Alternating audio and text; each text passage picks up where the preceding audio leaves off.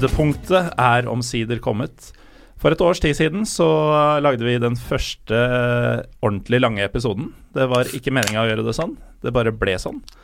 Og det er fordi gjestene var ekstremt snakkesalige, litt nerdete på den gode måten. De er tilbake nå. Eh, Petter Bø Tosterud, Europaliga-mannen til Pyro Pivo, eller i hvert fall en av dem. Ja, Velkommen tilbake. jo, takk. Veldig hyggelig å være her.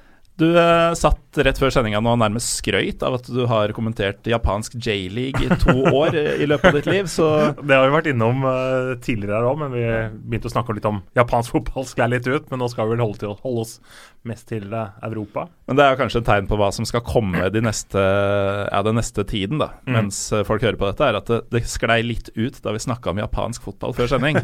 Ja. Nå skal vi jo faktisk snakke om lag folk har hørt om. Ja, vi får Det- se, da.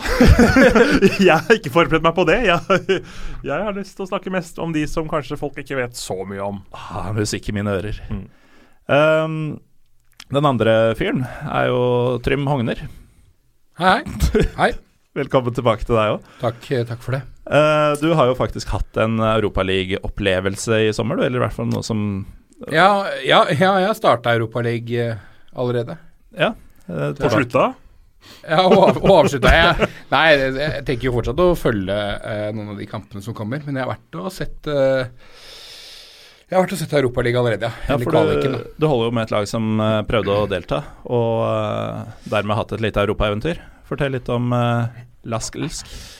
Holder med. Uh, jeg vokste opp på Romerike eh, og er glad i fotball. Um, eh, ja, eh, det var jo Det var jo da slik at Lillestrøm endelig Endelig skulle få lov til å være med, og det ehm, Første gang på ti år. Ja. Jeg ja, ganske nøyaktig, vel, nesten. Ja. Ganske nøyaktig. Uh, Sist gang så røyk man, da slapp man vel inn syv mål over to kamper mot et lag fra Danmark. Og før der igjen så røyk man mot Kareng fra Luxembourg, som nå har rykka ned fra, fra ligaen i Luxembourg. Men vi skal, eh, skal ikke kimse av luxemburgske lag. Nei, det, det skal vi for så vidt ikke. Men vi skal kimse av Lillestrøm, det skal vi. For det um, de oppgjørene mot Lask eh, fra Linz ble helt, eh, helt grusomme. noe av det verste et norsk lag har prestert i Europa. Um, men vi dro nå ned um, Jeg på å si vi dro ned til Østerrike, men det gjorde vi ikke. For vi var så innstilt på at når Lillestrøm endelig får være med i Europa, så skal det være Øst-Europa. ja. så vi hadde gleda oss så innmari til Øst-Europa-tur. Eh, så ehm, eh, så, så man, man håper jo på en måte ikke sant, en av to ting. da, Enten at man møter et lag fra Øst-Europa, eller at man er heldig, sånn som Viking og Enga har møtt Chelsea. ikke sant, Tromsø har møtt Chelsea. Eh, Tromsø har også møtt Roma, Galatasaray, Brann møtt Everton. Så enten et ordentlig svært lag eh, eller Øst-Europa. Eh, og så får vi da Lask fra Østerrike. Men eh, Så det jeg og et par andre gjorde, var at vi, vi holdt base i Slovakia. For da, for da blei det Øst-Europa-tur allikevel, og Rakia og full pakke. Eh, samtidig som det er jo altså avstandene nedi der sånn er jo veldig, veldig små. Så vi, vi tok en taxi fra eh, Slovakia til Linz, eller til, til Østerrike. Eh, det var ikke så billig som det hørtes ut som helst som vi hadde trodd på forhånd, men det var nå i hvert fall gjennomførbart. Å ta en taxi to timer fra et land til et annet var ikke så billig som du trodde? Nei, ja, det, det er faktisk litt over tre timer. Så Men, eh, men vi, vi kom nå fram, og øh, Lillestrøm møter da Lask. Det er 320 stykker som har dratt ned fra, fra Lillestrøm. Bra kok på tribunen. øh, og Lillestrøm slipper inn første målet etter ett sekund. og fortsetter egentlig bare utover matchen, og, og taper til slutt øh, 4-0, da. Um, så det var jo en øh, øh, ja, Det var på en måte forventa, men det var jo en, det var en ganske heftig nedtur for det. da, Det må man jo bare innrømme.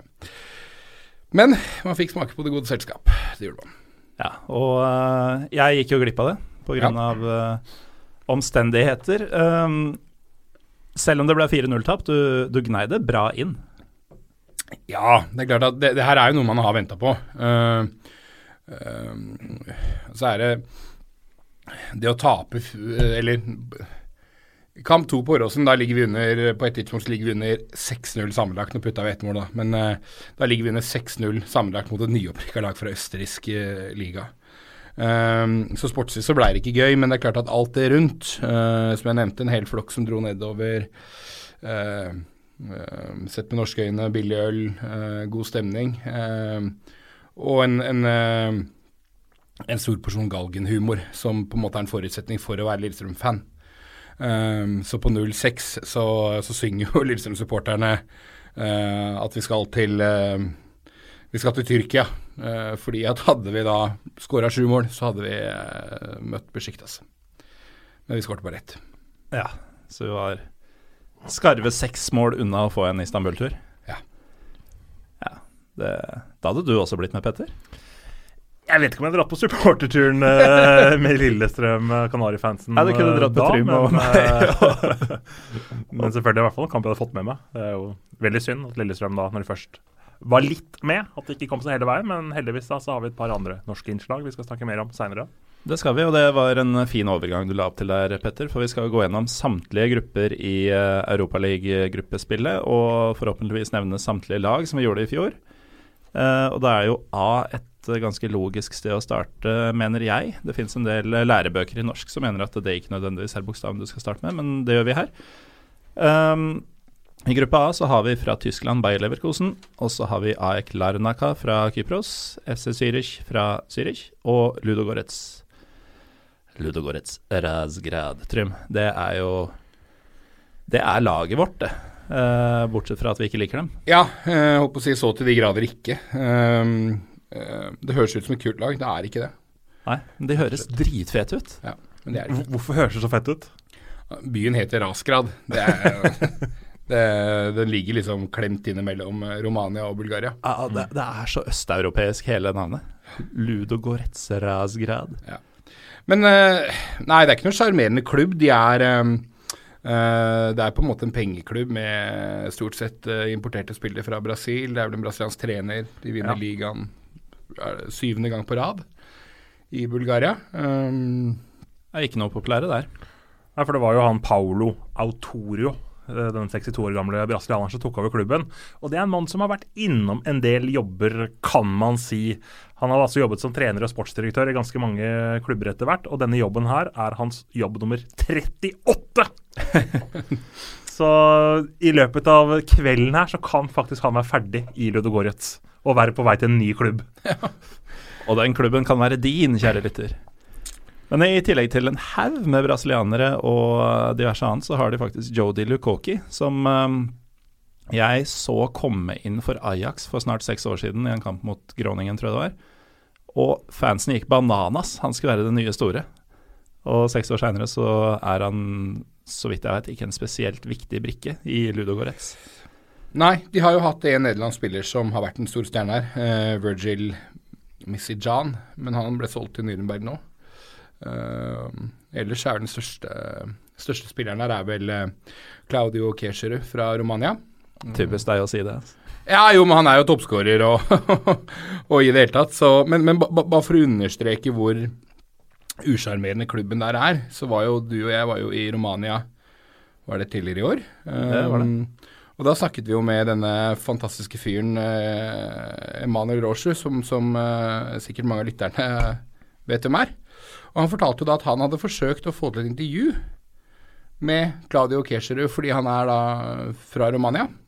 Eh, hvor klubben bare sa at nei, Ludogorets ville ikke at spillerne deres skulle få lov til å bli intervjua i sin Altså sånn, som en sånn positiv mm. greie. En, en, en, en, spiller i en utenlandsliga som gjør det bra.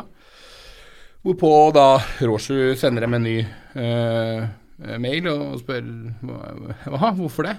Um, hvorpå han bare får et frekt svar om at uh, 'forstår du ikke engelsk', vi er ikke interessert. Så det er, en, det er en, klubb som, har, som er svært blotta for sjarm. Ja, og vi um, vurderte jo å ta en tur innom Ludogoretsvi da vi var i Romania. For som du sier, det ligger ikke langt fra grensa, og de hadde en hjemmekamp mot et Sofia-lag. Slavia. Uh, ja. Og da hjalp jo Emanuel oss med å uh, sette oss i kontakt med en journalist fra Bulgaria, og fikk vite uh, hvor vi skulle henvende oss for å eventuelt få pressepass, da, for det var jo tross alt litt sånn halvveis jobbøye med, for det ville havna i en podkast. Um, ehm, han omtalte vel uh, presseansvarlig i uh, Ludegårdet som a fucking retard. vi sender likevel en mail, da. Uh, veldig hyggelig og kortfatta. Får aldri noe svar. Dette er da en klubb som uh, i beste fall trekker 4000 tilskuere og kunne trengt all publisitet de kan få, egentlig. Som er positiv, for de har jo ikke noe godt rykte verken i Bulgaria eller ellers. Til tross for det fete, fete navnet. Um, Bayer Leverkosten, da, Petter, det er uh, din gamle kollega Eivind Bisgaard Sundets favoritt til Bundesliga-gullet. Eller var det i hvert fall før de tapte de to første matchene. Hva, Ja, for hva, de ligger jo bare seks poeng bak gullet for øyeblikket, som Eivind svarte vel på, på Twitter. hva, hva har vi med å gjøre her? Nei, altså Hvis du ser på gruppa, da, så er det jo i utgangspunktet Så bør de være favoritten i gruppa. Men så har jo historien vist litt at en del uh, tyske lag har slitt med å, med å på en måte takle Europaligaen og ligaen samtidig, selv om Leverkosen har mye mer erfaring enn del av de an, en del av de, eh, sammenlignet med en del av de andre lagene som ikke har spilt så mye Europaliga. Uh, som Köln, som sleit uh, i fjor og rykket jo ned i det som skulle bli uh, jubelåret. Uh, hvem? Köln. Jeg vet at eh, dere kaller det noe annet, men um, Så jeg er litt sånn spent på Leverkosen, som har mista Kovac til, um, til Bayern München. Mistet- Det er Frankfurt, vel. Ja, selvfølgelig. Eh, jeg mente Som vi skal komme tilbake til. Men jeg tenkte på at de kan også miste treneren sin. Mm. Heiko Herlis. Ja. Så er selvfølgelig mannen som trener eh, Leverkosen. For eh, der er det litt murring nå allerede. Og det snakkes om at Ralf Hasenhyttel kan være på vei.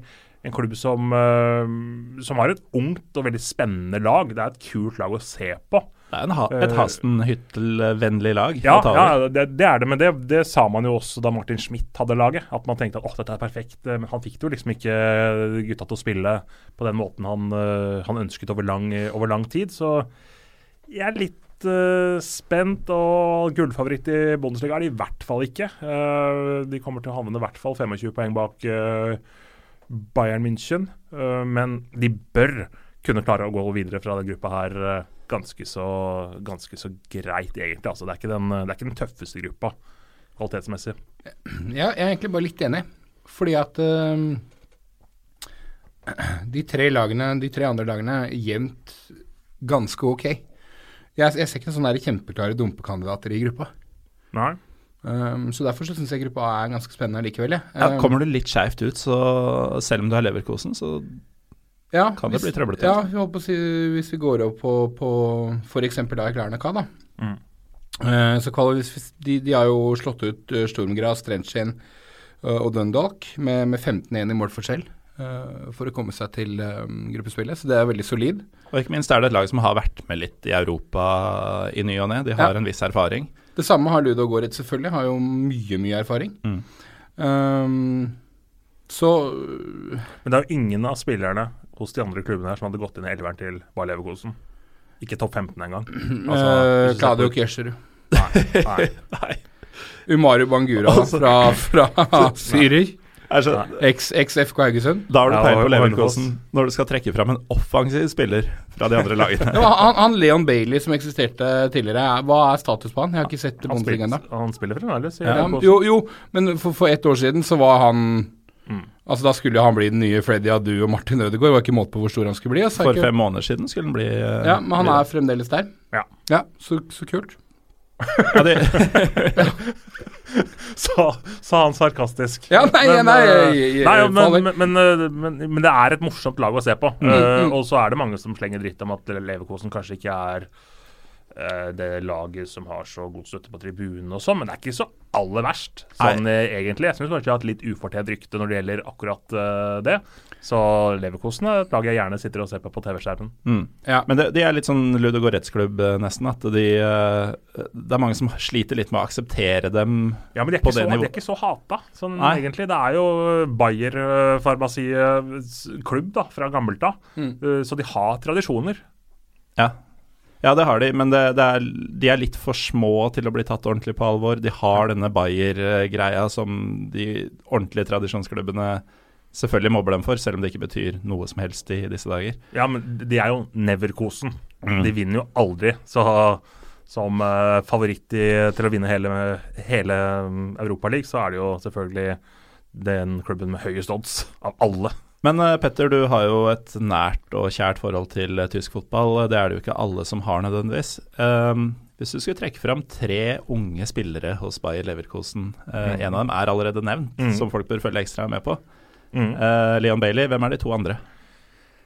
Altså, nå, nå, nå, snakkes det jo mye om, eh, om Kai Havertz, da. Mm s- selvfølgelig som uh, nå ble tatt ut på tyske A-landslaget, faktisk. Uh, og han er, han er spennende. Jeg er litt sånn spent på hvor hvor han havn, kommer til å havne når det gjelder hans beste posisjon på banen. Uh, nå har jo han havnet litt dypere i banen. Han kan spille bak spissen, han kan spille kant og litt forskjellig. Så jeg er ennå ikke helt solgt når det gjelder hvor god han er, da. Jeg syns det er litt tidlig med en 19-åring.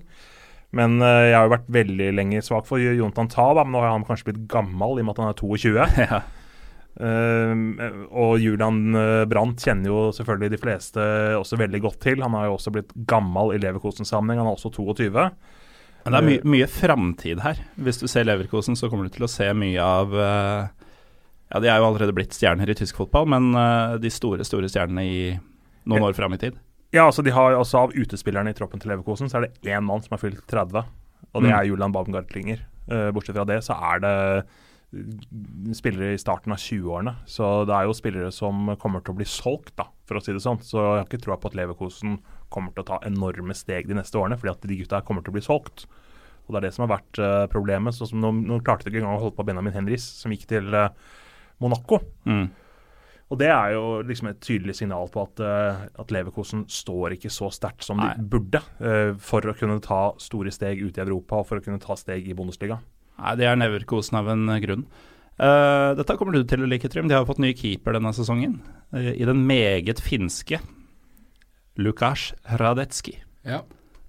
Det er finsk mann, altså. ja. men Det er, er er ikke det første keeperen til Finland, da? Jo. Og så er, men han er Jo, han er- han er vel ungarsk uh, Han er ungarsk- født i Slovakia. Slovakisk, ok. Mm. Ja. Men han er enorm. ja, han er bra. Han har jo spilt i skandinavisk liga òg. Ja, det var nytt Men jeg meg. syns han er litt oppskrytt. Det Ja. er min uh, mening. Han hadde en god sesong i fjor, men jeg syns det har vært mye rart før det. Nå er det jo Rambo som har stått de to første um, kampene. Han som var um, konkurrenten til Ørjan Nyland tidligere i Ingolstadt. Eh, Ramazan Özcan. Ramazan, han ehm, er nok i hovedsak ment som en, uh, som en backup, egentlig. Men uh, ja, Radetsjki er ålreit, uh, men jeg syns kanskje han blir haussa litt mye opp. Fun fact er at eh, Ramazan uh, Özcan ifølge alle andre Midtøsten-språk heter Ramadan til fornavn. Um, som ikke er så rart når jeg tenker over det, for du har jo han eh, Ramadan Sobi, som vi hadde store forventninger til i VM-episoden vår, Trym. Det stemmer. Eh, vi var litt innom uh, AIK Larinaka. Uh, vi kjenner vel ikke spesielt godt til laget der, um, men eh, de hadde en bra kvalik. Og så har du FC Zürich, da, som um, Men, men vi må jo ta litt om Larnaka. Det, apropos, du nevnte Bangura hos FC Zürich, eh, tidligere Hønefoss og Haugesund. De har jo brannlegenden Daniel Moisov på laget, Mm, for de av dere som husker eh, makedoneren. den stopperen, ja. ja, ja. Så vi må, vi må jo nevne et par, av- de, og så er det jo morsomt også med Andoni, um, Andonia Iraola, baskelegenden til Mm. Atletic Klubb, som Mm. har sin første trenerjobb i Larnaca. Så um, obs, obs, følg litt med på dem òg. Og også, som vi vel uh, snakket om med kypriotisk fotball litt i fjor òg, at det er jo et enormt trykk på de kampene der um, også. Mm. Og for de som er ekstra interessert i mer om det, så hadde vi faktisk en egen Kypros-episode for eh, to uker siden. Der et av poengene er at de er en egen stolt nasjon, og spesielt etter hvert fotballnasjon. Eh, gode klubblag som, som alltid kvalifiserer seg et par stykker til Europacupene. Ja. Eh, gjerne en fem-seks av de samme, men eh, likevel, det er jo en, en halv liga det, Mm. av eh, klubber som titt og ofte gjør seg gjeldende i Europa. Um, siste lag i gruppa er da FC Zürich. Ja. De rykka faktisk ned for et par år siden. De ned, Eh, en av de absolutt største klubbene, en av de fire største klubbene i, i Sveits. Spilte på andre nivå for to sesonger siden. Da hadde jeg et ublidt møte med dem, faktisk. Jeg var Mhm. også grashopper. Eh, mot eh, Thon, tror jeg det var. Og um, den kampen var, eh, var det 4000 tilskuere på på EM-stadionet Letzigrund. Eh, ganske trist affære, egentlig. Iskaldt. Uh, tørst i dag, tror. Ja. Uh, ikke bare i dag, men generelt. Det er noe annet på bordet her også som, eh, som vi kanskje bør introdusere Petter for etter hvert. Mm. Uh, men i hvert fall, kampen gikk fredelig for seg. Jeg tror det endte 1-1, kanskje 4-1, litt usikker. Um, men vi skulle da hentes uh, av de vi bodde hos etter matchen, og fant da en pub rett over gata. Denne historien er fortalt før til årvåkne lyttere, men vi tar den igjen. Eh, aner fred og ingen fare før plutselig et tjuetalls av de vi hadde sett da vi sto på Grasshopper-tribunen, uh, som sto med megafoner, trommer osv., uh, kommer stormende inn og roper et eller annet på, på høytysk. Hvorpå da puben har en eh, Det som skjer, er jo da at de blir angrepet av FC Zürich-fans, som hadde ligget i bakhold i gaten, og de var plutselig hundrevis som kom fra ingen steder. En kald, mørk vinterkveld, liksom. Og uh, puben hadde da en prosedyre, for dette hadde tydeligvis skjedd mange ganger før. Så da bare barrikaderes alle dører og vinduer av noe jerngitter, og så, og så er vi der. Og, og, drikker øl og ser på Bayern Dortmund på skjermen til dette går over. Og da det gikk over, var det fortsatt 100 SEZ-fans uti der. Så um, tror dette er en gjeng som har lyst til å vise seg fram for, uh, for publikum. Men da er det jo litt synd at de ikke har fått Det er mulig syriskerne får den feteste opplevelsen på Kypros-turen sin, tenker jeg, i denne omgang. Uh, sportslig Sveitsisk liga også, litt undervurdert, uh, kanskje. I hvert fall Kanskje, bare. Jeg er Basel ikke har jo- sikker på om de er det. Nei, nei, er For Basel har jo på- Basel på sitt beste var jo Giant Killers i ny og ne, i hvert Ja da.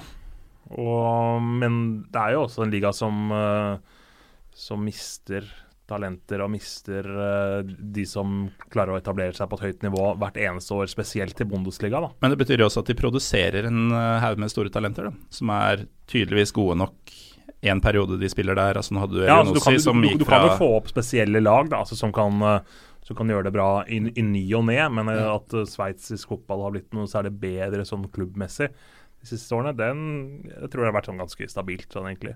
ja, det, Nå ble jeg for så vidt enig med deg, fordi det slo meg nå, Trym, at vi så jo den eh, den nye vinen i sveitsisk fotball, eh, Young Boys, som jo vant ligaen i fjor. Ja. De så jo vi i sesongen eh, da de vant bort mot et partisan som ikke var all verden. Mm, Ja, altså, ja, ja, ja. Uh, ja en nei, bra om, årgang til å være partisan, men det var Ja. fortsatt Det var fortsatt partisan. Ja da, eh, det, det var det og det. Som du sier, nå har Young Boys vunnet, og de har kommet seg til Champions League i år. Mm. Um, men, men, men sveitsisk liga befinner seg vel litt i samme sjiktet som uh, østerriksk og de uh, Jeg tror det er et stykke over sånn- de tre, altså. Ikke langt, men Ja, jeg, jeg jeg, litt Jeg-. Ja, altså jeg vil heller sammenligne med si tyrkisk-gresk, kanskje. Ja, nei, da, da er vi ikke på Da kan vi nesten ikke sitte i samme rom. at at sveitsisk liga er på nivå med, med, med, med østerriksk eller eh, Nei, med, med, med, med tyrkisk eller, eller gresk liga, syns jeg eh, ja, det, er, Det er det, er faktisk, ja, det, er, det er det mest vanvittige jeg har hørt i hele år. Jeg syns det er på kanten selv. Jeg, må, jeg, jeg, jeg må innrømme det, faktisk. Nei, uh, så, og, Ja, nei. Er det, er det det verste du har hørt av meg i studio her i hele år, er- eller er det det verste du har hørt noen si i noen setting i hele år? Uh, jeg, jeg tror det er det verste jeg har hørt i år. Rett og slett. Uh, nei, så bra er det rett og slett ikke. Og, og hadde det vært så bra, så hadde ikke et av de andre sveitsiske lagene blitt slått ut av et norsk. Altså, la oss bare være ærlige. Så, så, så det er ikke. Men, men, men, men Zürich, det er gøy at de er tilbake. De kom på fjerdeplass i, i, i, i ligaen i fjor. Du nevner dem jo som en av de fire store. Eh, de har en spiller som ikke spiller i det hele tatt, så dette er helt uinteressant for lytterne, men han heter Heile Selassie. Uh, jo, Uh, men ikke bare det. Han heter Maren til fornavn. altså, Maren Heile Selassie? eh, rett og slett. Og så er det jo, ja, så um, Ja visst, faen! Ja. Nummer 20 på midtbanen. Ja, ja. Eller ikke på er- midtbanen, men han er er midtbanespiller. Ja. Og så er det 68 Roberto Rodriguez. Umulig at ikke han er i slekt med den mer kjente Jo, det er jo broren Ja. eh, til Ricardo, om jeg ikke tar helt feil. De var jo involvert i noe slagsmål de, for et par år siden i Syris.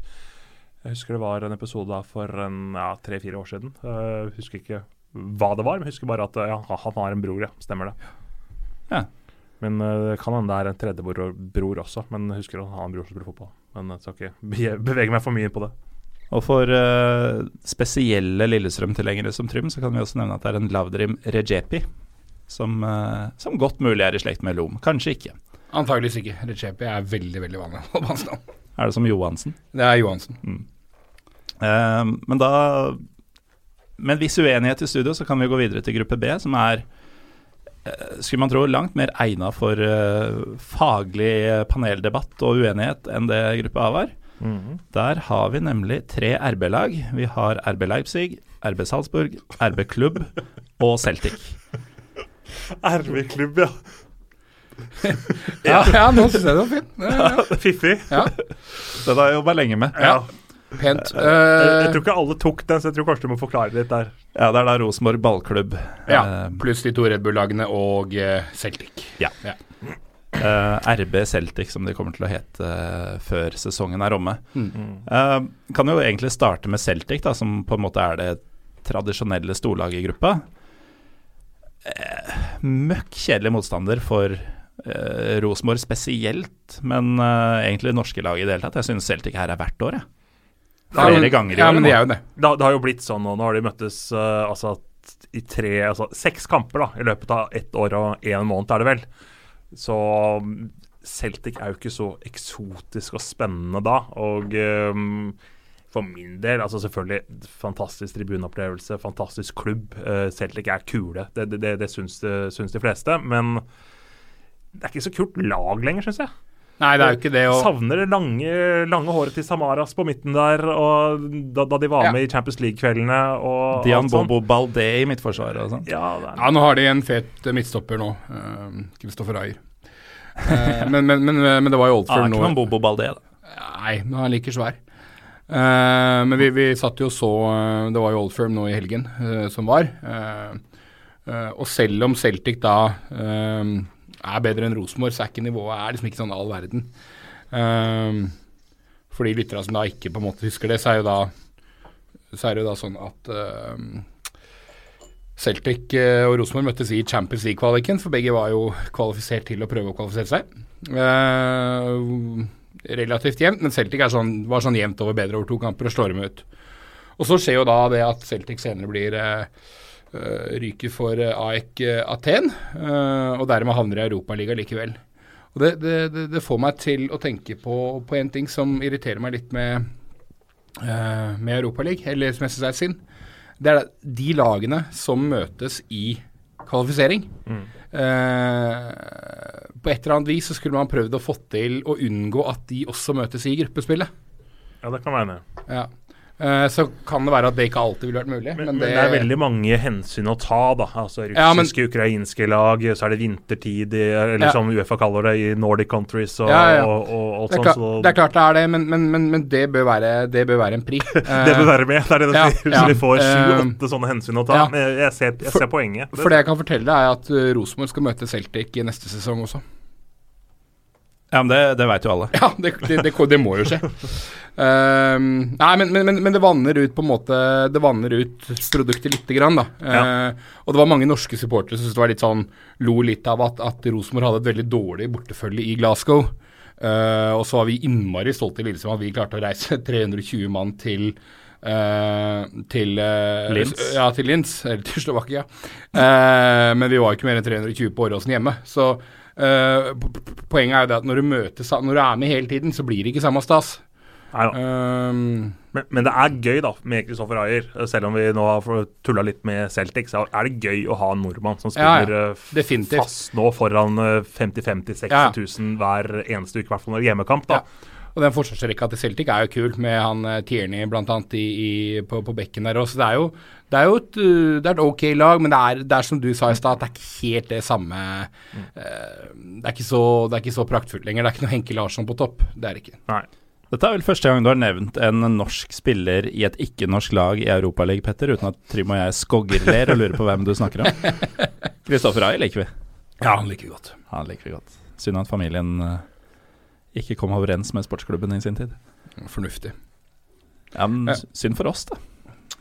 Ja, jo da, det er klart. Uh, jeg, vil alltid tenke at vi er viktigere enn Kristoffer Ayer, selv om vi liker han. Uh, ja. Uh, jo da. Men, men, men ja, det, det, er, det er gøy at han spiller fast. Jeg, jeg tror kanskje at Jeg tror kanskje at Celtic kan være en av favorittene i gruppa òg.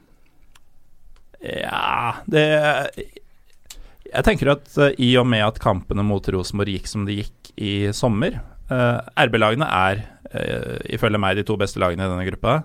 Pga. empirien vi har fra i sommer, så er Celtic bedre enn Rosenborg.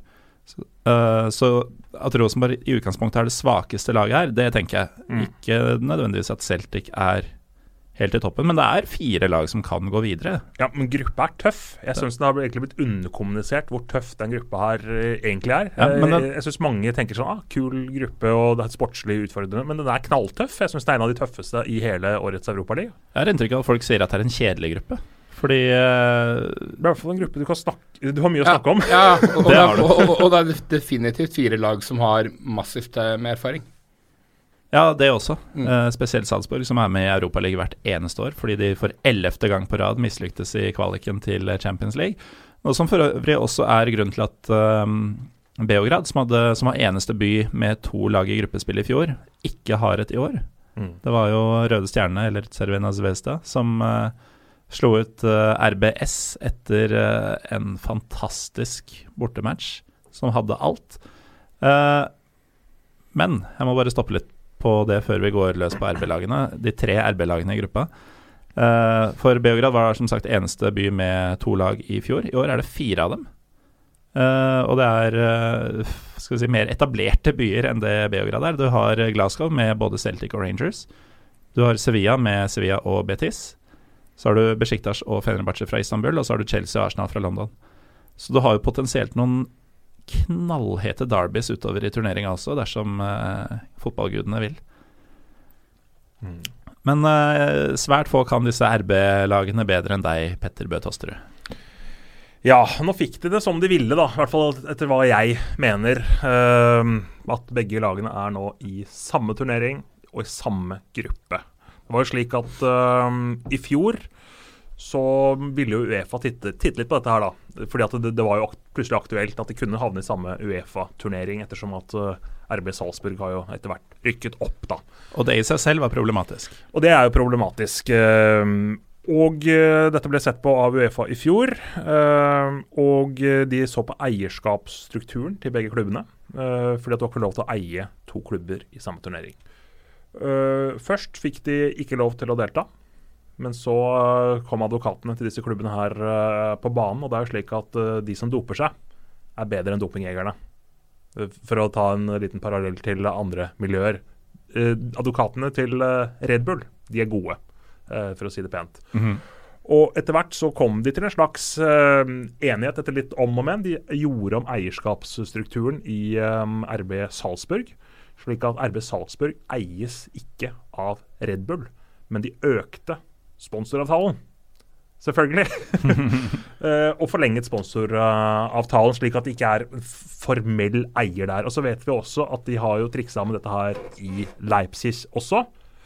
Da har vi denne 51 plus, 50 pluss 1-regelen i Tyskland.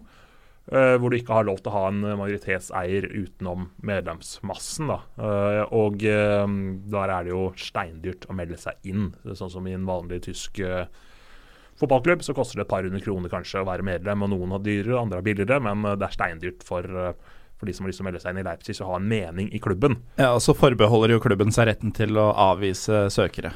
Ja, selvfølgelig. og man kan kanskje si da Nei, disse klubbene har ikke så veldig mye connections uh, sammen, da, siden de eies og ikke styres ikke av de samme folka. For det var en del også da som måtte bytte jobb.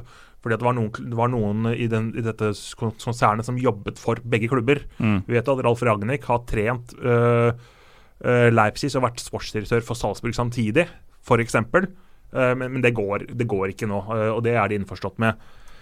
Og De siste syv sesongene så har altså RB Leipzig hentet 13 spillere fra RB Salzburg. Så det er ikke noe tvil om at dette er Farmer-klubben. Det er ikke noe tvil om at dette er, er uh, nummer én, nummer to i et Formel 1-løp. Altså, det er jo stallordre vi fort kan se i uh, årets uh, Europaliga. Jeg tror ikke det skjer, men det er jo mange som snakker om det. Om hva gjør de mm. hvis, uh, hvis Farm-laget plutselig ligger foran hovedlaget. Ja. Og uh, Masicic, han som er sjefen da, i Red Bull, han fikk jo spørsmålet Hva syns du om trekninga? Og han sa det er en super trekning. det er fantastisk for begge lag. Og grunnen til at det er fantastisk, er fordi vi sitter og snakker om det nå. Nettopp. Naturligvis. Og- Og, og så, så er det jo Men, men, men det du sier da med, med, med dette med advokatene og Uefa Det der er jo et interessant poeng i, i Europaligaen i år, som det egentlig var i fjor og i forfjor, og egentlig alltid med Uefa-turneringer. De som er store nok, uh, som av en eller annen grunn egentlig var kasta ut, eller ikke kvalifisert til å få lov til å være med, de klarer alltid det allikevel. Det er samme, det, det kan vi kanskje komme litt inn på Mase Milan etterpå, som egentlig også ikke skulle fått, fått, fått, fått vært med, men som får det allikevel. Men ser vi derimot på de små lagene, som av ulike årsaker eh, ikke kvalifiserer, eh, altså på ikke-sportslig grunnlag, så, eh, så er det på en måte ingen mulighet til å få, få, få gjort om. Så det handler jo egentlig bare om å være stor nok, så klarer du å presse det gjennom allikevel. For det er eh, massevis av lag som eh, eh, ikke har fått lov til å bli med i eh, i årets liga, men som, er- eller turnering, men som egentlig var kvalifisert. Som for eksempel. Ja, det enkleste Altså, noen av dem, nå, nå fikk jeg til å høres ut som at jeg forsvarer dem. Altså, klart, Skanderbø er jo utestengt i ti, ti, ti år pga. som.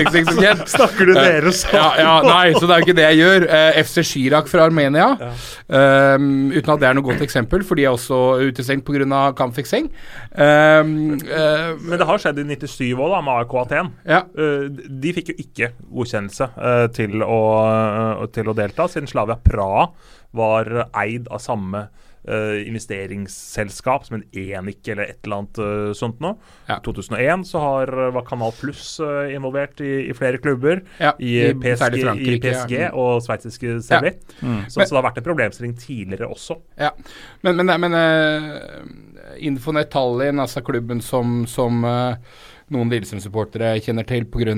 Matva Igonen f.eks., har jo hatt et eierskap, eller har vært eiet av Levadia Tallinn, eller blitt fusjonert inn der f.eks. De fikk da ikke lov til å være med. Det handler jo også om eierskap, så det er en liten klubb uh, med et tvilsomt eierskap som da ikke får lov til å være med. Så poenget mitt er egentlig bare at eh, det virker som at alle disse reglene og reguleringene de gjelder på en måte ikke bare man er stor nok. Og så sier jeg selvfølgelig ikke at kampfiksing skal være greit, men uh, det finnes andre lag som, som var mindre, som da ikke fikk lov til å være med.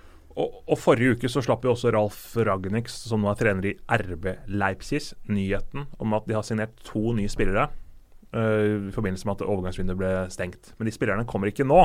Han sa ikke hvem det er, men tysk presse mener å vite hvem disse to er. Og Det er Tyler Adams, 19 år gammel um, amerikansk landslagsspiller ja. fra New York Red Bulls.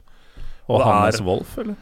Amedou Haidara fra ja. Red Bull Salzburg. Ja. Men de kommer ikke nå, eh, for de kom, det ble klart rett før vinduet stengte. For de må først tape litt med Salzburg mot Leipzig. Men uh, det har jo vært en del spekulasjoner i hvordan, uh, hvordan disse kampene vil foregå, og mange har jo ment at uh, det som er mest sketchy, er om det blir det som egentlig vil være naturlig å tenke, at det blir to hjemmeseiere. I og med at tre poeng er bedre enn to, og at det utløser mer premiepenger. Ja.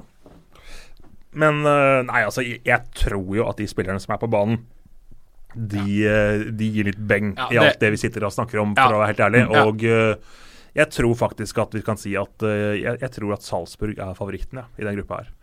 Jeg tror ikke på RB Leipzig, som har mistet uh, Keita. Forsberg ikke så god sesong uh, i fjor som året før der. Mm. Piffen har gått litt ut av det laget. Nå har Ragnhild kommet inn da, etter Hasenhyttel eh, hadde suksess med det, og Ragnhild er en flink fotballfagmann. Men han er jo på utgående kontrakt allerede. Ja, ikke sant? og det er det òg. Så, så, så de er en litt sånn omstillingsprosess. De skal bygge opp eh, de nye, spennende spillerne. For de henter jo bare som jeg har vært innom tidligere, og de henter jo bare 18-, 19-, 20- og 21-åringer til, eh, til den klubben der. Sånn som at Haidara kommer nå etter, eller, eller ved eh, nyttår eller sesongslutt, eller hva det blir. da. Han er jo tiltenkt å bli den nye Keita, som gikk samme, samme ruten. Og han kan få Mm. bli det, og for så Ja, vidt er Haidara. og Haaland, som etter hvert kom fra Molde, som også er en ung eh, Ja, ikke sant? Og han kommer til å spille i Leipzig som to år. Ja, men, men jeg er helt enig med poenget ditt. Det er gøy å sitte og prate om at liksom kanskje, men, men, men, men alt det er bare piss. Altså, øh, øh, når spillerne til Salzburg trener, gjør seg klar til kamp, trenerapparat osv., så, videre, så er det klart at de, de skal vinne alle matchene sine.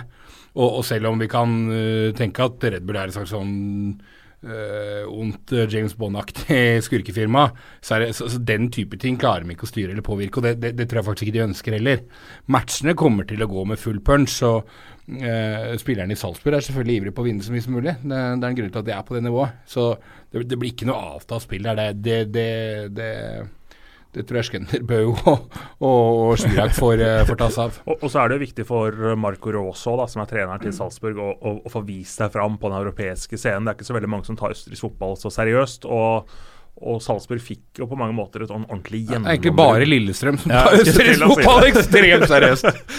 Nei, men, men, Salzburg fikk på mange måter et sånn slags gjennombrudd i fotball-Europa i fjor. Ja. Eh, kampene de spilte, de spilte fantastisk fotball. og Jeg så faktisk de fleste kampene, kampene deres. og jeg syns det var et ordentlig ordentlig morsomt lag eh, å se på. De spiller kul fotball, har en fet uh, trener. Så det er mye, mye kult med begge lagene. Men, ja, men, men, dette her er jo en evig story om de ja. to lagene. Vi prater om eierskap og det ene og det andre, og det er dritt, og så konkluderer vi likevel med at uh, Men de spiller jo jævla fett fotball! Ja, dette er hver eneste gang, og da snakker vi bare Europaligaen. Det er for, altså, det er for å balansere litt òg, for, for, for sånn, er, sånn, er, det jo. Uh, men de er jo, selv om uh, selv om de prøver å avvise, så er det jo det er jo farmerklubb. Det er jo ikke noe tvil om det. Og vi husker den historien som jeg sikkert uh, fortalte her i, fjor også, om uh, denne draktepisoden. Uh, hvor altså Red Bull Salzburg spilte Champions League-kvalik mot FK Lipaia. Uh, i, i, andre runde i Champions League-kvaliken, altså i 2016, så startet Andreas Olmer med Red Bull Salzburg-drakt. Og i andre omgang, da han kom ut så spiller spille andreomgangen, så hadde han faktisk på seg Red Bull Leipzig-drakt. Han spilte kamp i Champions League-kvalik med Leipzig-drakt i andreomgangen. Og når du bytter da i løpet av en kamp, da tenker jeg disse folk er geniale. Dette må man vilje. Så dumme er de ikke. De er så smarte, de her, at uh, dette, det bør snakkes igjen. Da får du Red Bull opp uh, hele veien. Ja, men, men, men, men igjen, eh, farmerlaget lei. altså Rosenborg har jo også et farmerlag i Eliteserien, Ranheim. Eh, det er ikke sånn at når Ranheim kommer til Lerkendal, så prøver de ikke å vinne. Uh, så, så, jeg tror det der blir um, uh, jeg, jeg, jeg, gleder meg til de oppgjørene. Ja, jeg også. Jeg skal se dem så jævlig. ikke minst fordi det er vanskelig å ikke se en fotballkamp når Zlatko Junuzovic skal spille. ikke sant, Petter? Nå ja. ser jeg at Morten har kommet med jeg regner med det ikke er vann, dette her? Ja, nei, eh, det var eh, ment som en eh, fin overgang. Fordi nå har jo Skenderbau vært nevnt. Mm. Det er ikke så mye Balkan å ta av i år som i fjor. Um, men det betyr jo ikke at Petter ikke skal få kjørt seg litt. Okay. så denne uka så fikk jeg en flaske med uh, en unlabeled uh, blank drikke av en serbisk kollega. Lurer på hva det kan være. Hva tror du det kan være? Blank Red Bull? Nei, det det, luk, det, lukter ikke vann, i hvert fall. Nei, det lukter ikke vann. Det lukter vel mer bensin. Og... Det lukter, lukter plomme og bensin. Men det var, der, det var derfor du nevnte Inosevic? Kan ha vært. Nei, for i, ja. i, fjor så fikk jo Petter vel debutere, tror jeg, på denne uh, herlige drikke som kalles slivovica, mm. en av rakiane. Plommebrennevin fra Balkan. Mm. Du mente at det ikke smakte plomme, bare sterkt. Eh, men jeg vet ikke hva jeg sa. Jeg sa vel terpentin, kanskje? At, uh, at det smakte litt sånn. Skal jeg, jeg smake på den her nå? Ja, Nå skal vi sammenligne denne med fjorårets.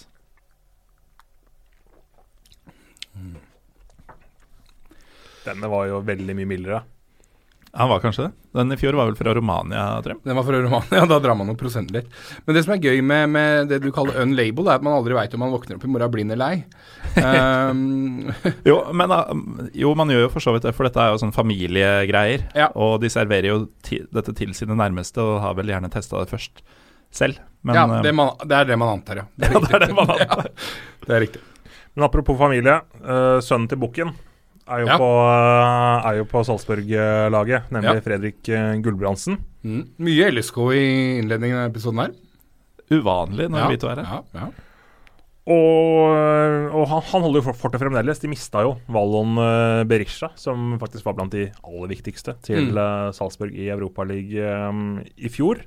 Uh, men du nevnte Junusovic. Altså, han er jo et, en, en, sjeldenhet sånn sett for Salzburg også. Han er 30. Mm. Eh, det er veldig uvanlig også at de henter såpass eh, etablerte spillere som eh, det. De henta jo også Ramallo, som de hadde i, i fjor i Europaligaen også. Han er jo 26, og det, også, det er også gammelt egentlig for, for Salzburg. Selv om det prosjektet der er jo litt mer det går litt mer på tomgang, uh, sånn egentlig, uh, sammenlignet med hvordan det har vært tidligere etter at Leipzig kom inn i bildet. da. Ja, Det handler mer om å bare fortsette å vinne i Østerrike og ja. promotere seg selv?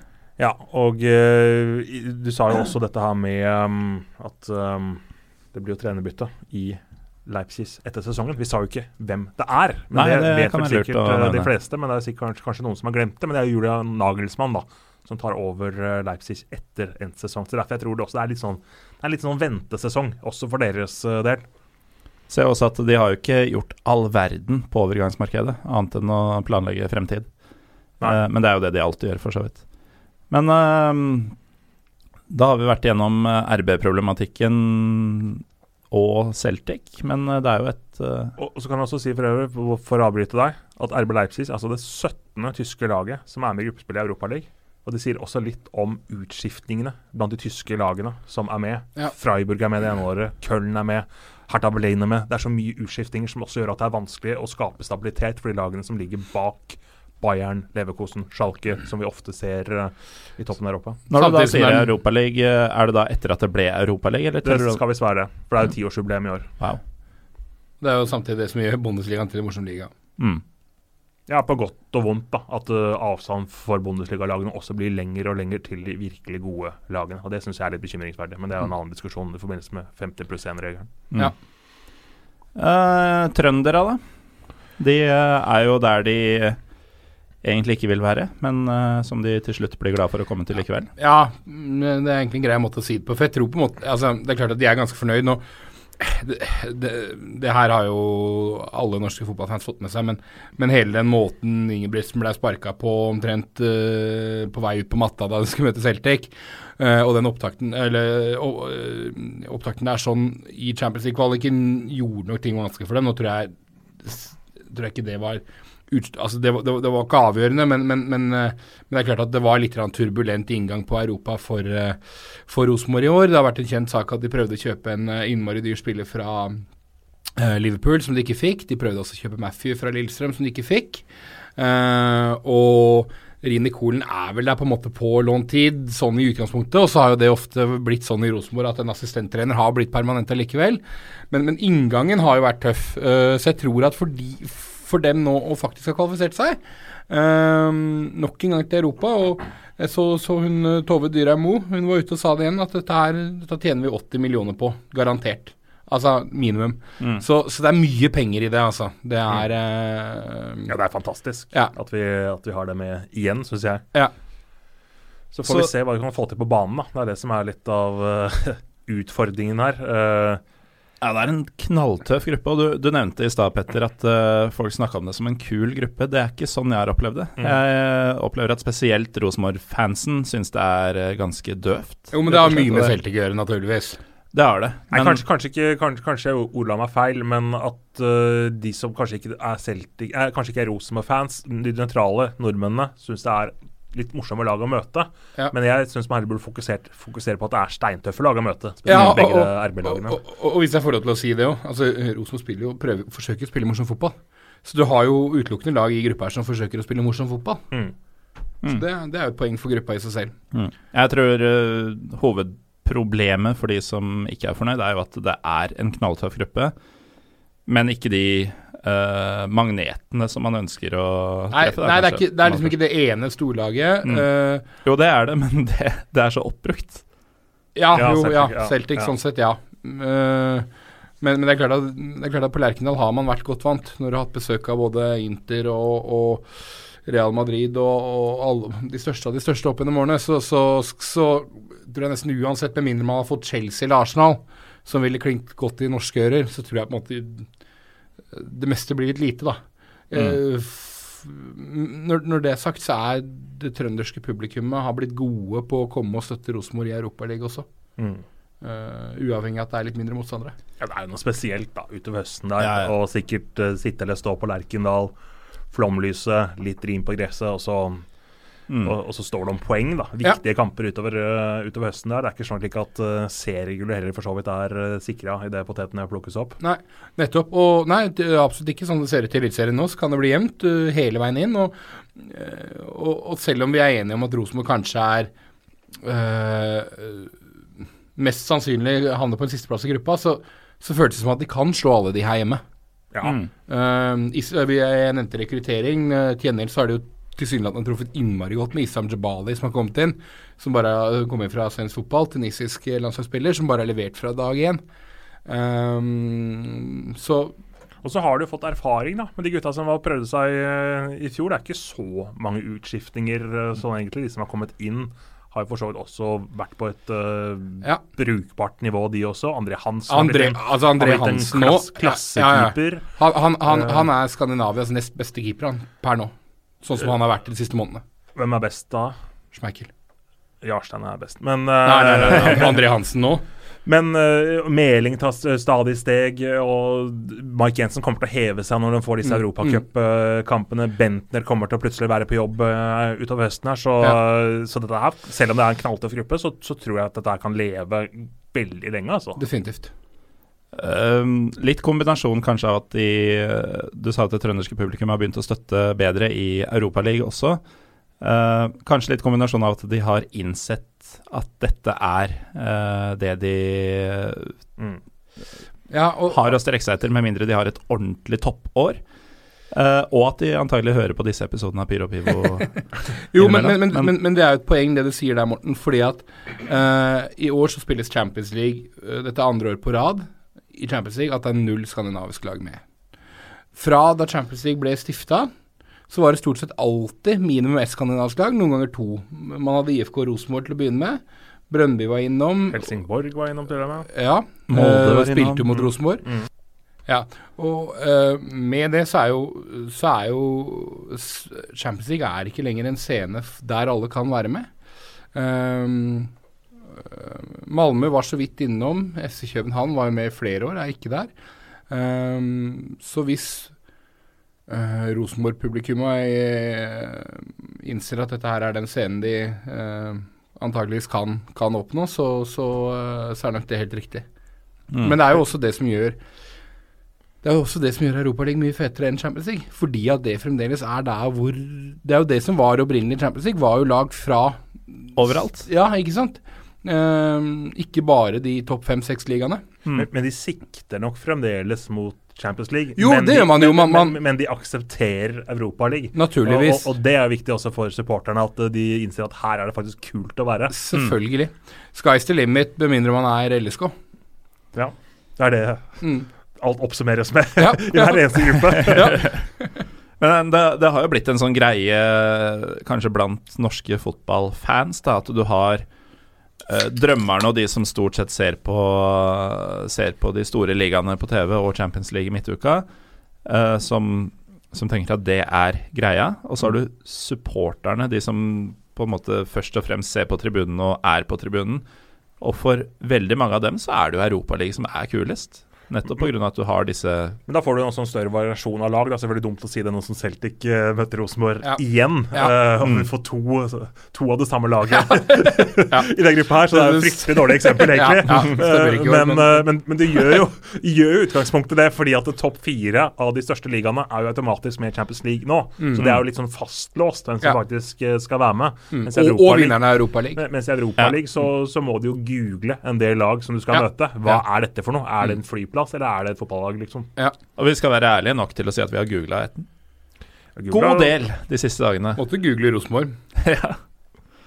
Uh, er det noen lag i gruppe C um, av Bordeaux, SC København, Zenit og Slavia Praha som noen måtte google spesielt?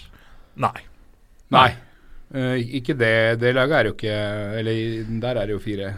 Uh, ja, Dette er jo kjente, etablerte lag på, på, på, et vis. Det er jo egentlig tre av de som helst gjerne ville vært i Champions League, mens mm. uh, Slavia Praha kanskje for i gamle dager også kunne kanskje tenkt seg å være ja, der, men uh, jeg, jeg, jeg, trodde nesten du mente FCK, Zenit og, og Slavia. Ja, ja, kan, ja, kanskje det, men, men ja, Jeg skjønner hva du mener. Men, men, for det er, fire lag som hører hjemme i Europa, i hvert fall. da. Ja, og ja. Det, dette er jo en smellvakker europaligagruppe. Men det gikk jo bare så vidt for FCK, da. Mm. For å si det sånn. Det var på håret. Men uh, altså, sånn som de spilte i fjor, så skulle de nesten ikke vært i Europa i det hele tatt. Og når de da uh, Jo, det er på håret, men det er mot Atalanta. Ja. Et Serie A-lag. Ja. Og det som var spesielt, var jo at det var jo Andreas Cornelius som bommet på det avgjørende straffesparket i straffekonken for Atalanta mot FCK. Ja. Atalanta røk ut dagen etterpå. Så blir Andreas Cornelius lånt ut til Bordeaux og skal møte FCK i Europaligaen. Og er, og er, og er eks-FCK, Ja. Liksom ikke Ja. ja. Har vel vært to perioder der. Eh, han, han ble jo solgt for 100 og et eller annet millioner og så til England, og så fikk han ikke det. Ja. og- Ja. Kom tilbake med halen mellom beina etter at Solskjær hadde Ja. hatten. Solskjær gjorde mye gode skandinaviske signeringer. um, Great success. ja, definitivt. Um, men, men, men ja, de, de 0-0 borte mot Atalanta. Mm. Så 0-0 hjemme, og straffekonk. Mm.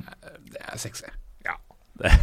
Men, men, men FCK er jo liksom på gang igjen nå, da. Uh, får tilbake Dame Ndoye, hvis du husker den uh, Ja, ja, lanseringen av han nå i sommer på sosiale medier. Uh, hvordan FCKs medieavdeling gjorde det. Det var strålende. Eh, Dame doie som var en eh, supporterhelt og en kulthelt Ja. egentlig i hele København for eh, ja, det er mange, mange år siden, er det? Åtte-ni år siden, kanskje? Ja, eh, omtrent. Han, og han er, han, han er jo i ferd med å bli en av legendene Ja, i klubben nå som han har kommet tilbake. Litt sånn og- på Zuma-nivå. Og og de har jo bomba egentlig på en del signeringer de siste årene, som vi også vel snakket om her uh, i fjor, om jeg ikke tar uh, helt feil. Men fått en fin start uh, i Superligaen nå. De topper tabellen. Har bare tapt én kamp så langt til FCK. Det var mot den danske klubben vi nordmenn kanskje har blitt best kjent med gjennom sommeren og høsten, nemlig supermakten Horsens. Hvor Sivert Helte Nilsen spiller. Hvem? Sivert Helte Nilsen. Uh, ikke, noe mot om, uh, ikke noe vondt om han, men uh, vi visste kanskje ikke så mye om Horsens eh, før, han, eh, før han dro dit. Men eh, FCK de er eh, på gang, og jeg gleder meg til å se den. Det er gøy med Ståle Solbakken Ja. eh, ute i Europa. Da. Ja, er vi, vi, visst er det det, og de har fete spillere. Eh, de har henta han svenskrekeren fra, fra Østersund som jeg ikke kan uttale navnet på. Ja, han eh, ja, som skårte selvmål mot, Arsenal. Ja, ja. Det er eh, uh, Sotirios Papagiannopoulos. Ja. ja, meget bra. Ja, det var ikke så Eh, verst, ja. tror jeg. Uh, de, har, de har et kult lag, uh, og så gjør de noe som Som egentlig skal gi litt kudos til Rosenborg kanskje for å ha gjort også, men de er på billettpakka. Eh, Ja, det glemte vi å nevne. ja, men vi, vi, vi kan ta det nå, for, for FC København eh, gjør dette her. Eh, vi, vi sitter jo her nå og spiller inn dette her samme dag som Norge skal møte Kypros, og har uh, tatt 500 kroner per billett. Mm. 500 spenn for å se Norge mot Kypros. Det er, altså, det er helt sjukt. Det er faktisk det villeste jeg har hørt holdt på si i hele år. Fra- Bortsett fra fram til du sa at Sveits var den beste ligaen i Europa. uh, men 500 spenn. Jeg var på Nadderud forrige helg. Nadderud. uh, som er en, et stadion som er dårligere versjon av Meløs, egentlig. Uh, å se Stabæk mot Sandefjord, som er to lag som Det er en dårligere versjon av Moss uh, Ja. Sprint Jeløy. 350 kroner kosta det for en billett på Nadderud. Uh, og, og så lurer man på hvorfor det kommer 3000 tilskuere i en kommune med 120 000 innbyggere. Eh, helt vanvittig. Men det FC København gjør, det er at de tar 150 til 200 kroner per billett, altså voksenbillettene, uh, for Europaligaen. Eller du kan kjøpe et billetthefte for alle tre kampene, som da koster uh, 299 eller 399. Det betyr at du kan se alle kampene til FC København i Europaligaen billigere enn du kan se Stabæk uh, møte Sandefjord på Nadderud. Det er så sjukt. Ja, men la det synke inn. Jeg, jeg tror jeg trenger mer rak jeg etter å ha hørt det. Ja, det er eh, Ja, hva skal man si. Men du nevnte rett før vi gikk på her at Rosenborg også har gjort en, en fin billettpakke. Ja, jeg syns jeg leste det at Rosenborg har vel tilbudt eh, alle hjemmekampene sine i Europaligaen for 525 eller 515 eller noe sånt, så det må, initiativet der må vi også bare Mm. applaudere. Eh, Det er fantastisk, slik at du også får et initiativ til å kanskje gå på den kampen av de tre som kanskje ikke hadde tenkt å gå på, Ja. som du faktisk har fått uh, Ja. pakka allerede. Det er, jo, det er jo helt nydelig, fordi det er en god pris samtidig som du ikke latterliggjør ditt eget produkt. Sånn som når Start nå skal selge alle billettene for én krone. Eh, Lillestrøm har en tendens til å gi bort billetter i hytt og pine som uansett ikke blir brukt, og så forringer jo det uh, det du skal prøve å selge til andre kamper, da. Fordi Mm. du tenker at ja, 'jeg fikk det jo gratis sist', eller 'jeg fikk det for en krone sist'. Men nå betaler du jo faktisk, men du betaler en veldig ålreit pris. En, en veldig ålreit pris, og så legger man igjen litt mer i kiosken. Ja, ja. Og så er det selvfølgelig litt morsommere i parken, der du kan kjøpe øl, kontra Nadderud, der du Mm. Jo, men du får jo bare kjøpt kattepiss der, da. Jeg har vært i parken, og det er jo ikke Det er, det er jo sånn, hva kaller man det? Ikke folkeøl, men det er jo Eh, Det, det er ikke ordentlig øl du får det? i parken. Nei, Da jeg du får 2,5 Eh, I I danske ligaen er det vel ekte også, tror jeg det er reguleringer i Europa, kan det stemme? I Royal League så solgte de sprit på stadion. Da jeg var, Det, det da, mener jeg å huske. da jeg var på Danmark-Norge, i hvert fall, Ja. um, da, da vi røyk i Var det ikke playoff uh, med Jo. Drillo? Jo. Da var det kattepiss. Mm. Men var det før eller etter han uh, luringen som løp inn på banen og ødela kvaliken mot Sverige? Uh, det var Åh, det husker jeg ikke. Uh, Fot Fotballfjolset, var det ikke han het på dansk? jo. Nei, nå sklir det ut, Morten. Ja, det, det må vi prøve å unngå. Ja. Uh, men i, når jeg ser på SEK, sånn har det vært så lenge jeg kan huske, når jeg ser på laget deres, så er det noe sånn uskandinavisk over det, i form av at de har en del spillere som du tenker hører til på høyere nivå, da, f.eks. i Sveits. Og eh, at uh, Damen Doy er tilbake De har jo en slovakisk eh, ut- og innad landslagsspiller. Eh, Sotiro og også- fra Kypros. Kenan Kodro har Ja. kommet. Mm. Det er jo en fyr fra, så vidt jeg veit, La Liga. Jeg har ikke sett en eneste La Liga-kamp i mitt liv. Men uh, det er jo sønnen til Meho også, ikke minst. Det er jo, det er jo som å hente Janis Haji. Ja, ja å. Ja, det er det ikke. Nei, nå, nå, nå sier du mye vilt i, i dag, Ass Morten. Men, men, uh, Men men ja. På å hente Janni Saji, hadde ikke du en idé om uh, hvordan en klubb som Rosenborg kunne Jo, sprengt sin egen horisont? Jo da. Uh, Janni Saji er det største talentet i Europa som ikke spiller i en stor klubb. Eh, eh, men, men, det, men det er vel egentlig en annen story. Men, men, men FC København henter mye spennende spillere. Og de er villige til å betale ganske mye penger også. Eh, jeg tror nok eh, snittlønna i København er nok ganske mye høyere enn f.eks. sammenlignet med Malmö og Rosenborg, som er kanskje Ja, ja, to altså de betaler eh, lett 9-12 millioner de, altså, Ja, ja. i året. ja, ja. Det gjør de. Um, vi må snakke litt om de andre lagene i gruppa også. Kan starte med Bordeaux, kanskje, siden det var de vi nevnte først. Det er jo For de københavnerne som eventuelt hører på, hvis det skulle være noen, så er jo vin og mat kanskje det som trekker mest uh, til en bortekamp dit. Uh, dette er vi for unge til å huske, Trym, men uh, det var en gang Bordeaux hadde Dygari, Lizarazu og Zidane på laget og herja mot Lillestrøm. Mm. I år eh, har de hatt en lang vei inn. De har vært med siden andre runde, akkurat der Lillestrøm kom inn og fikk juling av Lask. Det er jo et lag relativt blotta for stjerner, men um, ja, nå er det jo det etter at Malcolm eh, dro. Ja, ikke sant. Men de er jo tilbake da, i Europa. Ja. Det er jo liksom det, er det de Og- må ta, ta med seg nå. Og de, Og, og det er jo en klubb vi har sett i Champions League i vår uh, halvvoksne levetid. Så Ja. det er jo en svær klubb. Og, og, og de er tilbake, og de møter jo da altså Slavia Praha i første kamp i gruppespillet. Mm. Og uh, i 1996 så møtte de jo Slavia Praha i semifinalen, Uefa-cupen, da de tok seg til finalen. Han møtte Bayern München, hvor de tapte over to kamper. Det var pussig, eller merkelig sånn som det var før i Uefa-cupen for øvrig, at eh, kamp, finalen ble spilt over 14 dagers mellomrom. Hva er det for noe? det er slitsomt. hva, hva er det for noe, liksom? Men um, ja, helt enig. Bordeaux, fint å ha dem eh, tilbake, Ja. men sånn eh, troppsmessig så, så er det ikke noe sånn nei, wow. Nei, De har Eh, henta inn eh, Samuel Kalu fra, fra Gent, som på en måte skal være erstatter for Malcolm, som de har betalt til dem å være en del penger. Det er litt sånn men- First Price-versjon til uh, Salomon Kalou, er det ikke det? Samuel Kalu, ja, den, den, den tenkte jeg faktisk ikke på engang, men ja. Uh, men han er i hvert fall i sånn som de oppfatter et spennende talent. Uh, men, men det er klart at tomrommet etter Malcolm blir vel veldig stort. Mm. De har jo eh, peisa på med å låne inn Jan Karamo også fra Inter, som visstnok Inter forventer store ting av i framtida. Uh, Får se hva han får ut av et år i, i France. Men uh, det er jo et Bordeaux-lag som ved første øyekast sier oss veldig lite, da. Annet enn at det er en klubb med sterke tradisjoner, uh, osv., osv. Zenit, en klubb med sterke rasistiske tradisjoner, men eh, nå har de jo uh, pga. et eh, ganske rasistisk mesterskap, holdt jeg på å si, i hvert fall et eh, Nei da, det var ikke så rasistisk under VM, men Nei, eh, VM var helt strålende. ja da. Og der innvia de jo det nye stadionet sitt. Ja, bygget av nordkoreanere. Bygget av døde nordkoreanere.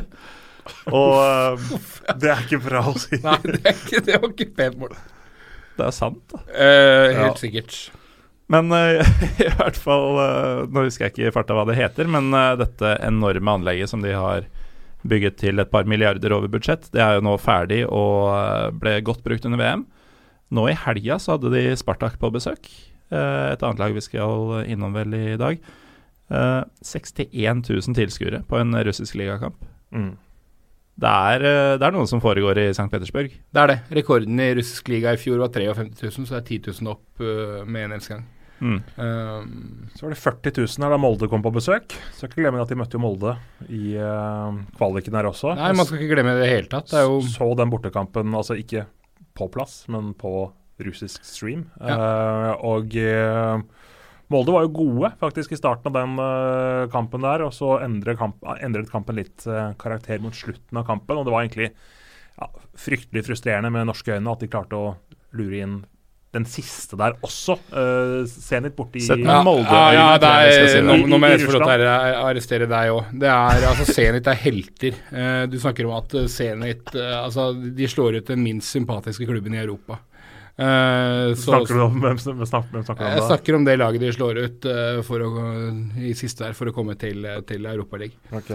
Um, eh, men, men eh, så, så, så alle, alle i Norge, bortsett fra eh, holdt på å si en kilometers radius rundt Røkkeløkka, var happy for det.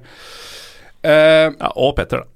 Jeg vil gjerne ja. ja. Molde eh, videre, så, Ja. så, så jeg syns det var synd. Men Ja. eh, Molde gjorde jo en god innsats på hjemmebane, da. Men det var det siste det 3-1-målet på bortekampen som uh, selvfølgelig gjorde det fryktelig vanskelig. Mo- Molde sine kamper mot Zenit minte jo, li- mi- mi- minte jo litt om Rosenborg sine kamper mot Zenit øh, da de møttes. Nei, det syns jeg ikke. For jeg Ok. syns Rosenborg var mer sjanseløse i de matchene her. Jeg syns, uh, jeg syns det var Jeg syns Rosenborg virket eh, Ja, men det var også lenger unna. Ja, det er mulig, men det var øh, likevel relativt små marginer over at uh, Ja, uh, Summa summarum. Eh, men men, men, med, med Zenit, da, så, så du, du nevner at de nå har fått en publikumsoppsving etter at nye arenaen er ferdig. Og, sånt, og de hadde jo en dårlig sesong i hjemlig liga i fjor. De kom på eh, femteplass. Eh, og det er jo Det er ordentlig svakt, det med være. Ja, det er veldig, veldig ille for dem. Uh, så nå har de henta inn Claudio Marquisio. Ja, Det er ganske drøy overgang. ja Altså. veldig pussig overgang. Jeg syns det er veldig synd også å, å se det. Altså måten eh, ja, Måten disse legendene i Juventus har forsvunnet én etter én på litt sånn merkelige måter. da. Uh, husker Del Piero, hvordan han måtte gråte seg rundt eh, på gamle, gamle stad, eller, gamle, eller på Juventus Stadium, var det vel kanskje. For han fikk vel én sesong, eh, en sesong der, om ikke ikke husker Etter helt at feil. fra Del Alpe. Ja. Ja, øh, og at det der ble en litt sånn rar avskjed. Buffon uh, ville jo egentlig kanskje fortsette. Uh, og så hadde de jo Stenchen i, i, i bakhånd også, som de hadde lovet at skulle bli førstekeeper. Så plutselig fortsetter han da i PSG. Markisio i russisk fotball, den hadde jeg ikke satt mye penger på for øh, tre år siden. Den, den lille prinsen, da. Det som er eh, ekstra speisa med det, er at det er jo kutyme i russisk liga å skrive Altså trykke navnet på ryggen, i hvert fall i ligaspill, eh, på kyrillisk. Så vil det jo ikke engang stå Markisio som vi kan lese det, med mindre dere kan kyrillisk. Eh, og, og det sier jo egentlig sitt om den overgangen. At uh, han, har, han har reist til en annen verden fra å være Juventus-legende. Ja da, men det har vært henta en del spillere av det kaliberet til russisk fotball før, og så har det egentlig vært litt sånn stopp på den perioden nå, eller de siste årene. Jo, men ikke så Også- elegante, ikke så uh, stilfulle folk som Markisio. Det er noe eget. Det er, Ja. det det er ikke Roman Neustetter-varianten, liksom. Ikke et vondt ord om Roman. Han er min midtstopper. Ja, apropos, apropos spillere i Zenit, man ikke skal si et vondt ord om det, og de har jo også Branislav eh, Ivanovic, som er Og Artem Djuba er nå tilbake etter Ja, utlånet ja. i Arsenal Tula. Ja. Antagelig grunnen til at de ikke endte høyere i fjor. Og de, eh, Verdens Luis. Neto, Fenebache. Ja, Eh, eh, hvis du- Zenit er heldige, så spiller han så lite som mulig, og da har de fortsatt mulighet til Ja. avansement. Men, men, men, men så har du da disse tre-fire argentinerne som er knallbra, så, så stallen er veldig, veldig sterk. Mm. Eh, bør være en av favorittene til å vinne russisk liga i år, eh, med det mannskapet de har. Eh, og i mine øyne soleklar selvfølgelig favoritt i gruppe C. Soleklar, faktisk. Eh, de har jo også klubblegende i anførselstegn eh, Sergej Semak som trener, så det er eh, det er mye Zenit for penga i Zenit uh, denne sesongen. Men, men jeg er enig i det, altså, at de er favoritt i gruppe C. Altså. Det er jeg helt enig for. uh, Slavia Pra, som er siste laget her, de skal uh, De Ja. har broren til Mikael Skoda, de. Det, Og så hadde de Per, per Egelfjord Ja, jeg skulle, det er en av dine i, favoritter. i fjor, men han har tatt turen, videre til nivå to, nivå to i Sveits. Ja. Han spiller nå for Lausanne. Jo, men det er fremdeles den tredje beste ligaen i Europa, vel, Morten? det er det. Ja. uh, ja, de har broren til De har uh, Milan Skoda. eh, Broren til Mikael Skoda. Så er det jo Miroslav Stokk, som er jo en, en også en Herlig. Feller-legende, er han ikke det? Jo, han er eh, på godt og vondt en fenelegende. Ja. For øvrig, eh, de av dere som hører på, som liker kvinner, sjekk på internett hva eh, dama til Miroslav Stoch Dere vil bli eh, positivt overraska. Og hva en tatovert pygme kan få til. Kanskje begge deler. Nei, men det er håp for alle, da, Mm. åpenbart. Ja. Um, bortsett fra det, jeg vet ikke helt hva Folk Nei. vil vel kanskje ikke høre så mye om Slavia Praha? Nei, de er vel kanskje håper å si, favoritter til den siste gruppa. Altså, de, de ender på en andreplass i tsjekkisk ligaen i fjor. Det er en bra liga, men, men eh, opp mot et ja, i hvert fall København og Zenit, og, og antageligvis også Bordeaux, så skal det nok mye til for at de skal bite godt fra seg. Men eh, Mm. for all del, håper vi blir eh, overrasket. Du sier det som om at det er Zenit og Kjøben som går Ja, ja, videre, ja, ja, ja. på bekostning av Ja, Ø-laget. Ja, ja, der eh, er vi enige om å være uenige. Ja. Jeg holder Bordeaux foran Copenhagen. Ja. Uh, men jeg sier jo mye rart i dag, Trym. ja. du sier mye rart. uh, videre til gruppe D, da. Vi har nå holdt på litt over en time, og vi er en fjerdedel Det blir verre for hvert år. Neida, men Og nå mente vi at vi ikke hadde så mye å si. Um, det dukker jo opp interessante lag plutselig her, da. ja, og det gjør det. Og apropos det, gruppe D, der har vi Fenerbahçe. Mm. Og Det er en av dine favoritter. Ja, det I denne turneringa i år så er det jo faktisk min favoritt. Ikke til å vinne, men av deltakende klubber. Uh, gjorde jo furore ut av seg i forrige gruppespill for to år siden. Da de hadde United og Feyenoord annet i gruppa si, og slo United første året til Mourinho, vel. Slo United i uh, Istanbul med en uh, So-brasse. Mosa So. Han er ikke lenger i klubben, men han scora på så mange brasser denne sesongen at de trykka en drakt hvor navnet hans var opp ned på ryggen. Mm. Jeg så er han tilbake i Qatar igjen nå, eller hvor eh, Jeg tror det, faktisk. Ja, er Annenhver sesong så tar han en runde til Qatar. Det er helt nydelig. Og uh, vårparten i fjor så var han jo på lån fra Qatar til Bursaspor. Og det gjorde det så vondt å se han i en annen tyrkisk drakt. Men uh, det er gjort en del endringer i sommer, da, som de gjør hver sommer. Det har gått ræva i serien så langt. Uh, Philip Cocu er faktisk henta inn som trener av den nye styreformannen Ali Koch, som Det er faktisk noe av det sjukeste. Så noen av dere internettvideoene fra presidentvalget i Fenerbahçe? Nei, akkurat den gikk jeg glipp av. Ja, nei, for, for det var som å se Altså, her skal det spilles europacupfinale, eller eh, her skal regjeringa styrtes, eller noe sånt. Det var tusenvis av folk utafor stadion der som blusser og røyker og drikker og synger om Ali Koch, som skal frelse klubben, tydeligvis. da Og han fikk jo naturligvis alle disse stemmer, og tuppa gangsteren Aziz Yildirim ut av styrerommet for første gang på over 20 år. Og da skulle jo hele verden bli annerledes. Sola skulle skinne igjen, og det var ikke måte på. Så har det jo, som sagt, starta jævlig dårlig med, med den nye vinen. Men de har gjort en del spennende endringer i sommer og fått inn Nye vinen, ja det er vel gamle vinen som har, som har Ja, kommet inn til klubben hvem, som er, hvem, ellers. hvem er de 40 år gamle? Når du sa at de har hentet Philip Cocu før du satt som trener, så tenkte jeg at da har de henta han som spiller. For ingenting i verden hadde vært mer tyrkisk er enn å hente Cocu som trener. i det er- 2000 Nei, som spiller. Den 2000. ligaen er som Harlem Globetrotters, som, jeg, som jeg har sagt før. Ja. Det er jo Du skal sikkert si dem nå, men nå er jeg så godt i gang. Valbuena, Soldado, André Ayu, Ja. Slimani. Det er liksom den gjengen. Ja. Men det er en morsom gjeng. Val Valbuena og um, Soldado har vært der allerede. Ja, ja. De er den gamle vinen. Og så skal jeg innrømme at uh, Ayu og Slimani har kommet inn nå, Mm. men de er jo spillere som skal kunne heve Ja, tyrkisk lag. Slimani er jo noe man har Man hadde litt større forventninger til, som det nå blir spennende å se om, om får det ut. Ja, Han fikk det ikke helt til i England, men han var, han var ok der når han fikk spille, syns Ja. jeg. Og så var han veldig bra i portugisisk liga, som Enorm. Uh, minst er sammenlignbar med tyrkisk på nivå, eller hva, Trym? Det er lov å si. Jo, jo, det må være lov. Ja, det, det fikk jeg lov til. Ja. Men uh, utover det så er det faktisk ny vin her. Du har en klubb i Tyrkia som heter Alte Nordo, som har fått mye overskrifter i hipsterpressen de siste årene. De ligger eh, litt ned i systemet, men er en talentfabrikk som kun er en talentfabrikk. Og, og de har en egen måte å utvikle spillere på som jeg skal ikke si hele verden ser til nå, men, eh, men de har fått en del positiv presse internasjonalt også. Eh, flere spillere har blitt henta derfra og har allerede fått spilletid. Uh, Elif Elmas, makedoneren som var strålende i U17 EM eller VM for en sommer eller to siden, han har nå tatt en plass på midtbanen. og det er i det hele tatt nye tanker da, i, i Fenerbahçe. Og det, spesielt i tyrkisk målestokk så er det, er det en helt, helt ny måte å tenke på, som, som blir spennende å følge fremover. Prosjektet har jo ikke helt uh, høsta frukter ennå, men, uh, men, det kan fort sette seg. Og jeg vil jo tro, uten at jeg kjenner Philip Cocu som trener noe spesielt godt, så var han jo en disiplinert spiller, og helt sikkert Han har jo et godt rykte fra nederlandsk uh, trenertradisjoner også, så um, hvis han forstår nøkkelen i tyrkisk fotball, så vil det bli interessant å følge Fenerbahçe framover. Og de har vært heldige med gruppa.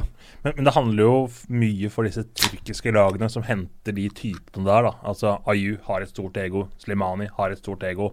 Å få sette det sammen til et slags kollektiv, da, som vi snakker så veldig mye om i Norge, mm. siden vi har så ja, eh, vi har, vi har, ikke de stjernene, stort sett, da, så vi snakker så mye om kollektivet. Og det er jo det Fenerbahçe må få ut etter hvert. Og sette de gutta sammen til et uh, flott puslespill. Mm. Det kan jo bli utfordrende. Jeg har jo sett uh, Ayu spesielt mye i Afrikamesterskapet, hvor de har streika både det ene og det andre året. Ja. og Slimani har jo hatt sine fakter, han også. Mm. Er det ett sted hvor, uh, hvor, det er vanskelig å tøyle noens ego, så er det jo i Tyrkia. Ja, for Fordi det, det, den, de idol idoliseringa, mm. som uh, altså måten du blir tatt imot på flyplassen, du blir superstjerne uh, når du lander der. Alansinho ble superstjerne, ikke sant? Ja. Diego Reyes, som kom på lån nå fra Porto.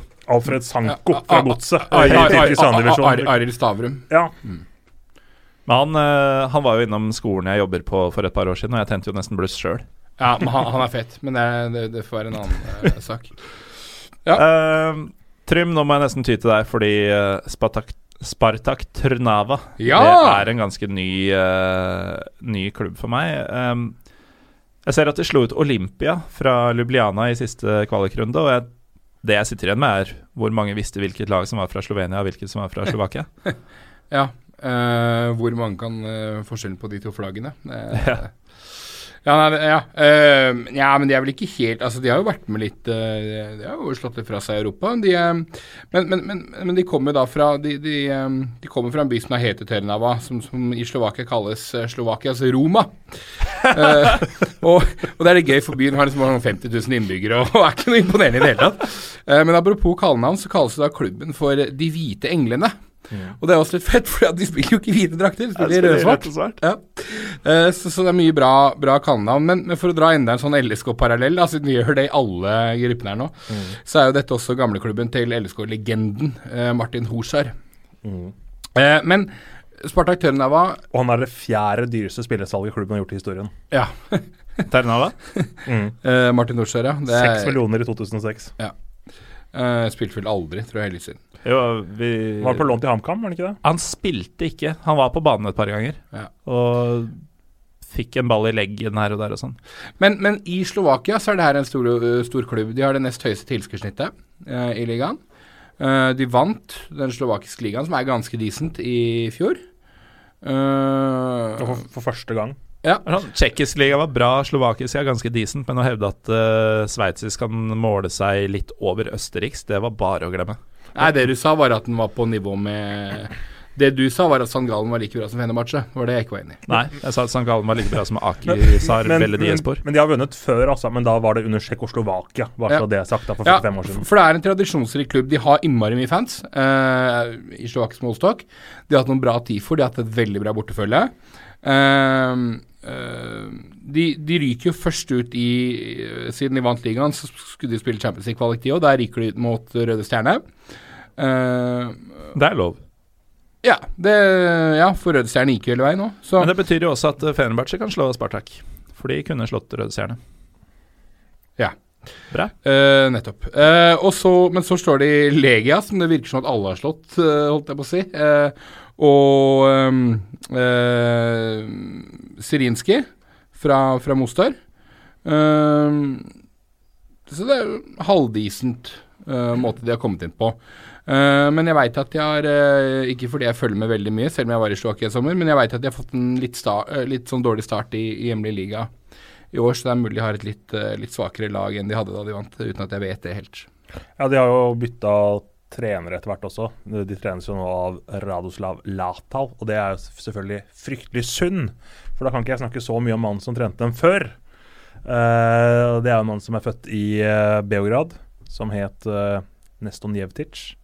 Og han flyttet fra Beograd grunnet krigen, flyttet til England. Og syntes det var litt rart å hete Jevtic i, i England da han vokste opp. Og først så hadde jo med familien sin, selvfølgelig. ikke sant? De prater jo sitt språk og føler man, føler man ikke passer helt inn. Først så tenkte han nei, jeg får fjerne itch, altså på slutten. Så jeg heter Nestor Jevt uh, i England. Men det var også litt rart. Så da må jeg gå for noe litt mer vanlig engelsk. Jeg må blende inn. Så han bytta navn da i folkeregisteret til John Smith. og, og det, er, det, er, så engelsk som du får det. Ja, det var litt mer engelsk. Men, men det blir jo rart, det òg.